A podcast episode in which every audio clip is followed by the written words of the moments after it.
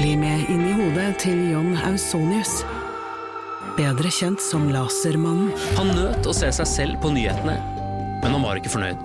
Han skulle jo drepe. Det samme året skulle han skyte to mennesker til, før han omsider oppnådde målet om å drepe.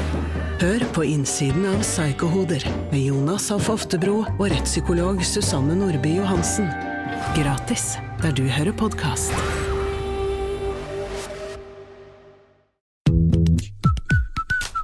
Og velkommen til Femihelse, en podkast om kvinnehelse fra A til Å. Og jeg heter Helene, Og jeg heter Sigrun. og vi har startet denne podkasten fordi vi mener at det bør snakkes mye mer om kvinnehelse. Så la oss snakke. Hei, så hyggelig at du hadde lyst til å høre på denne episoden av Femihelse. Ja, velkommen. Um, dette, jeg tror dette er en liksom veldig sånn kvinnehelsespesifikk episode. Det skal vi jo kanskje snart lære. Tror du jeg tar feil? Tror Nei, jeg tror du har rett. Ja. For i dag skal vi snakke om BRCA, eller BRCA. Og så har jeg, ifølge Google har jeg skjønt at det er en type 1 og en type 2. Så vi får se litt eh, hvor, hvilke av de, og hvordan vi kommer inn på det i dag. Um, med oss i studio for å snakke om dette temaet som uh, i utgangspunktet kanskje er litt sånn uh, ikke så selvforklarende. Nei. Nei. Og et skummelt tema for mange. Ja, Mm. det er det. Tilknyttet mye følelser, tipper jeg. Eh, så er vi så heldige å ha med oss Hanna. Hei, Velkommen til oss. tusen takk. Kan ikke du ta og introdusere deg selv? Jo, jeg heter Hanna Bjerke, er røntgenlege og jobber på Unilabs. Så fint. Og du jobber mest av alt med mammografi. Jeg er eh, sånn brystradiolog, som er en røntgenlege som jobber med pupper. Yes. Det er mitt hovedfelt. Men vi jobber jo også med disse, eller følger opp da, BRCA-pasientene. Kan ikke du fortelle hva er egentlig brakka? Hva står det for? Hva, hva er det for noe? Man sier brakka. det er BRCA, og det står for breast cancer. Ikke sant? Ikke det, verre. Nei, det er ikke verre enn det. Og det, eh, når man da fant dette genet, så ble man så glad for man så en sammenheng med brystkreft, og kalte da breast cancer gen 1 og 2, som man fant. Og som man senere funnet ut også har sammenheng med eggstokkreft og prostatakreft. Men det er liksom bryst, brystkreft man oppdaget først. Og ga navnet da til det. Og hva gjør dette genet? Har alle det, eller? Ja, BRCA-genet er jo gener som alle mennesker har, som er et bra gen å ha, fordi det er med å reparere celleskader. Og så, noen ganger, så skjer det skader som fører til mutasjoner, og de er arvelige, og det er da man snakker om disse her genfeilene, da. Og da, man omtaler egentlig bare som BRCA-genene, måte, men alle har de. Men de vi snakker om som kan bli syke, de har da mutasjoner i de genene. Og de, man har oppdaget mange tusen mutasjoner. Og man jobber liksom for å klare å kartlegge flere og flere, da. Så de som har brakka genfeil, er mer utsatt for å få disse krefttypene. Mm. Hvordan kan man vite om man har det? Det er jo Eller hvem har det? Ja, det begynte liksom med at man, liksom, man ser i noen familier at det er veldig mange tilfeller av brystkreft og altså eggstokkreft, disse typer kreftvariantene. Og i visse geografiske områder, da man snakker om vestlandsgen og sånt nå. Um, så det er ikke sånn at eh, jeg tenker at jeg har det, men det er i visse familier da, at det er veldig stor opphopning av eh, brystkreft. Og da har man jo testet eh, mange og funnet eh, genfeil. Er det flere på Vestlandet som har det?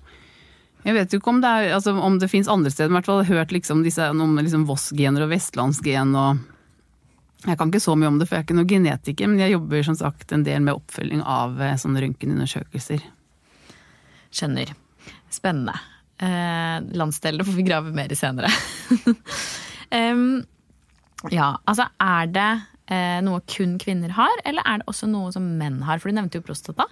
Mm. Og det er ikke et sånt um, gen som følger um, kjønnskromosomer, så alle har gener, både menn og kvinner. Men menn får jo verken brystkreft eller Eller de kan jo få brystkreft, men ikke eggstokkreft. Um, så det um, En mann kan være bærer da, av det BRCA1-genet. Og så uh, kan menn få prostatakreft når de har BRCA2-genet. Det er vanligere, da. Skjønner. Skiller det på for kvinner hva slags kreft de får med én eller to? Begge har risiko for å få både eggstokkreft og brystkreft, og det er noe høyere risiko med BRCA1-genet. Skjønner. Litt skumlere med det. Ok. Og er det sånn at man da øh, Hvordan gjennomfører man en sånn test? Det er en blodprøve, så det er veldig enkelt å ta. Mm. Og da kan man enten teste for ett gen, som er liksom hvis det er kjent et gen i familien. Eller man kan eh, gjøre flere tester, det kalles sånn paneltester, hvor du kan teste flere genfeil på en prøve. Og da får man jo et svar som kanskje kan si at ok, du har denne genfeilen du også. Og da står man jo overfor et valg Mm. som kan være ganske vanskelig og vondt, da. For da kan du jo man, Eller hva er det valget? Valget er jo da å fjerne brystene. Og eventuelt fjerne eggstokkene. Ikke sant? For å unngå partiene hvor det kan utvikle seg kreft. Så det er jo dette Angeline Jolie har gjort, da, for eksempel. Um, men det er jo et veldig heftig valg å ta. Mm. Og hvor mange er det som da Hvor stor er sjansen, hvis du får påvist dette genet, til at Altså hva er, hva er det på en måte Hvorfor Eller hvordan forsvarer man det? Det er kanskje feil ord å bruke, men liksom, hva er årsaken til at da så mange velger å fjerne brystene? Eller velger mange det? Det er ikke Det er liksom Det er jo på en måte en sånn risiko gjennom livet, så, og alle blir ikke syke heller. Um, så når man eller fastlegen på en måte henviser til sånn genetisk veiledning, da er de veldig flinke der til eh, Man får tilbud om oppfølging og forebyggende tiltak, da. Hvor de eh, på en måte informerer deg både om egen risiko for kreft, og de informerer om konsekvenser av genfeilen for kvinnen, også for slektninger. Mange lurer på hva man gjør med resten av familien hvis man selv er syk. Og så kan de henvise til sykehus for oppfølging da, og eventuelt kirurgisk forebygging ved å fjerne eggstokker og bryst. Da. Ja, for da er det det som er forebyggende tiltak, er, det er de mest, ja, det som reduserer risikoen aller mest. Ikke sant? Men man vil jo ikke gjøre det for tidlig, Nei. før man har fått barn. og sånt, noe, så man vil helst vente til man er 35 med å fjerne eggstokkene, eller til man har fått de barna man skal ha. Og så, eh, Det reduserer i seg selv også risikoen for brystkreft å fjerne eggstokkene. Ja, Hvorfor det? Jo, for da må det hormoner og alt eh, Så det fjerner risikoen med 50% nesten. Og så, hvis man fjerner brystene, så fjerner man jo veldig mye av risikoen. Ikke sant. Men du sa jo at du eh, har oppfølging av mange av disse brakka-pasientene. Betyr det at det er mange da også som går og eh, screenes jevnlig? Mm. For å utelukke at de har fått kreft? Ja, det er veldig mange. Det er jo flere det som man kaller høypenetrante gener. Da BRCA1 og BRCA2 er en av de. Da øker risikoen for kreft ganske, eller sånn fra 25 år, da. Og da får de tilbud om både mammografi og MR hvert år fra de er 25 år. Hvert år, ja. Mm, og da tar man hvert halvår mammografi, og neste halvår MR. Som man hele tiden følger med. Det er ganske heftig. Mm. Men Ja, veldig bra, for MR er veldig sånn, kan vise veldig altså, funn som ikke syns på mammografi eller ultralyd, da. Tidlig. Det er jo helt strålende. Mm. Jeg kjenner jo noen som har, eh, vet at dette genet er i familien, Mm. men som velger å ikke teste seg. Som syns at det fører til for store liksom, videre avgjørelser. Da. Mm. Eh, men som velger å følge med og passe på, da, og, og, og liksom kjenne på brystene sine og passe på selv. Da. Eh, og som ikke er Som er jo rundt 35 år, ikke sant? så dette er jo ikke kvinner opp mot 50 enda. Det, jeg skjønner at den, den situasjonen må være veldig sånn Ja, fordi det er jo som du sier, at det betyr jo ikke at man får kreft bare fordi du har genet, men det betyr at du må vurdere ting på en litt annen måte, da. Mm. Og for andre så er det helt selvsagt å gå og teste seg, jobbe liksom forebyggende, eller ta forebyggende behandling, og så gå og få sjekket seg, da. Mm. Er det mange av pasientene du møter som er redde eller bekymret? Jeg syns jo de eh, Det er ikke Nei, ikke når jeg møter de på en måte. Jeg tror de har vært igjennom den Det er kanskje mer når de er til genetisk veiledning, Liksom. har gode og lange samtaler, gjerne flere samtaler. Og de presser ingen, men de er jo nødt til å informere da, om risikoen, så de kan ta sine egne valg. Det har jeg møtt flere som har sagt at det er liksom ikke noe sånn du må fjerne, men eh, det er jo en sånn livstidsrisiko på opp mot 70 da, for å få brystkreft. Så jeg har vært på et foredrag en gang hvor det var sånn, det er ikke om du får det, det er når. Mm. Så det, det er høy risiko. Mm. Og det er jo ja, det er kjempehøy risiko. Da er det jo noe med, med ja, de, de, Det høres ut som at det kan være eh, i hvert fall lurt å gå og prate med en genetiker. Mm. En som virkelig kan dette og forklare, liksom, så man får litt klarhet i hva er risikoen, hva skal jeg passe på selv, er det noe jeg kan gjøre for å liksom hva med livsstil og alle disse tingene som også spiller inn, da, hvis det er noe som spiller inn? At man kan få litt svar, da. Mm, jeg tror det er veldig veldig viktig å ha de gode samtalene. Og det er jo mange fastleger som f.eks. henviser til mammografi hos oss, fordi det står Eller så skriver de at det er eh, økt brystkreft i familien. Eh, Men eh, det er jo visse som skal sant, Hvis man ikke finner en genfeil f.eks., men at det er likevel mye i familien som man ikke har klart å avdekke noen feil på, da. Noen av de skal også ha mammografi tidligere, fra 40 år, men da er det veldig, veldig viktig at de har vært igjennom genetisk veiledning og testing, på en måte at de anbefaler det. Og at ikke vi bare tar mammografi. På en måte de skal ha rett oppfølging, da det er det rette kvinnen som skal få det. Og hvis man har da eh, fjernet brystene og eggstokkene, er det da sånn at man er safe, eller fins det da fortsatt en mulighet for at man kan utvikle brystkreft, og da kan man vel ikke utvikle eggstokkreft hvis de er fjernet? Nei, og man sier at man opp, øh, reduserer risikoen ved å fjerne brystene med 90 eh, Nå ligger det jo på en måte Det ligger jo brystvev Det kan på en måte ligge igjen noen celler her og der, så det er ikke helt 100, men det er tett opp mot. Og det er heller ikke noen sånn eh, spesifikk oppfølging av de som har fjernet brystene. Man er liksom såpass sikker på at, eh, at det går bra. Men det er ingen regel uten unntak, så man må like, Kjenner man noe da, i, i arrområdet eksempel, så er det veldig viktig å ta kontakt med lege. For de er jo på en måte litt, ofte litt hissigere og sånn. Dette vet kanskje ikke du som jobber direkte med akkurat dette, men hvis man får påvist brystkreft eller eggstokkreft, testes man da for dette genet i tillegg?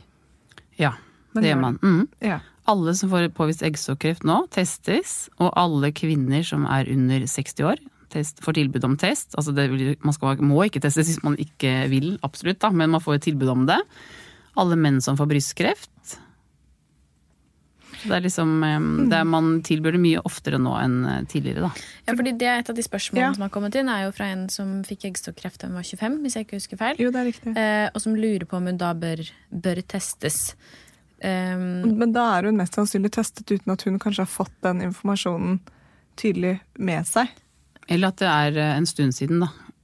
At dette liksom Det blir mer og mer hyppig nå. ja, for da går det eventuelt kanskje an å høre med fastlegen sin om dette er noe som har blitt gjort, eller Mm. om det er noe fastlegen anbefaler at hun skal gjøre. Mm, det vil jeg absolutt anbefale, i hvert fall når hun var så ung. Ja, Ja. Så hun er i rett kategori for en test. ikke sant. Ja, for det er det også mange som spør om. Mm. Altså sånn, hvem er det som testes? Men eh, sånn som jeg forstår det på deg, så er det vel de som da har eh, mye altså, av disse krefttypene i familien, og spesielt da unge. Ja. Ja. Man skal helst, hvis man kan, involvere de som har eller har hatt eh, kreft selv. Og hvis de ikke er tilgjengelige, altså hvis de er døde eller ikke vil, på en måte, så kan man teste førstegradsslektninger. Men man skal helst liksom ikke begynne å teste barnebarn og man skal ta det som er nærmest, da. For å teste liksom flere i samme familie for å se. Ja, så man, er ikke, jeg fikk et spørsmål i går hvor eh, en kvinne, eh, jeg tror det var fa, eh, liksom besteforeldre til datteren, eh, hadde fått brystkreft og hun lurte på om hun skulle teste datteren. Og da skrev jeg at det er på en måte viktigst egentlig å teste de som har hatt det selv, eller førstegradsslektning da. Så jeg, da sa jeg at det var ikke nødvendig å teste Ah, datteren. Ja, man skal Ja. gå liksom, Ikke sant? førstegradsslektning er det viktigste. Så interessant. Er det noen spørsmål Sigrun, vi ikke har fått eh, svart på fra lytterne? Jeg syns vi har dekket eh, ganske bra. Det er mange som lurer på hvordan man tester seg, og det har vi jo vært igjennom. Det er jo da en blodprøve. Mm. Eh, altså Kommer brakka fra svartedauden? Mer i forekommelse i Rogaland? Det var vi jo litt inne på Ja. i stad, med landsdeler, så dette er åpenbart ikke Ja, og det er ikke mitt ekspertområde. Nei, men det er jeg ganske, jeg blir veldig nysgjerrig på det. Ja, Så hvis noen der ute har svar på dette, så vil vi gjerne ha en melding. Det jeg kan si er at eh, når fastlegen på en måte, Det er ikke sånn at hvem som helst bare burde gå og ta en test. Så det skal gjerne være litt opphopning i familien, eller at folk har vært veldig unge. Ikke sant? Når fastlegen da sender henvisning til genetisk avdeling, så bør det være liksom veldig grundig eller sånn detaljert familiehistorie. Sånn at de kan ta gode vurderinger. Og så er det jo et spørsmål der som går Det er jo kanskje ikke helt direkte på dette, men jeg syns det er litt fint allikevel. Hvordan kjenne forskjell på svulst og harde, myke kjertler i brystene? Hjelp! Er det noe du kan svare på? Hva da kjenner forskjell på svulst og harde og myke kjertler? Eh, ja. Ja, det kan jeg veldig mye om. Det er eh, altså eh, Bryst er jo sånn knudrete. Og de kan være noen ruglete, men det er ofte ganske likt eller litt Det kan være fast, men ikke kjempehardt. En, en um, kreftsvulst er liksom som hovedregel hardere og sitter liksom mer fast i vevet.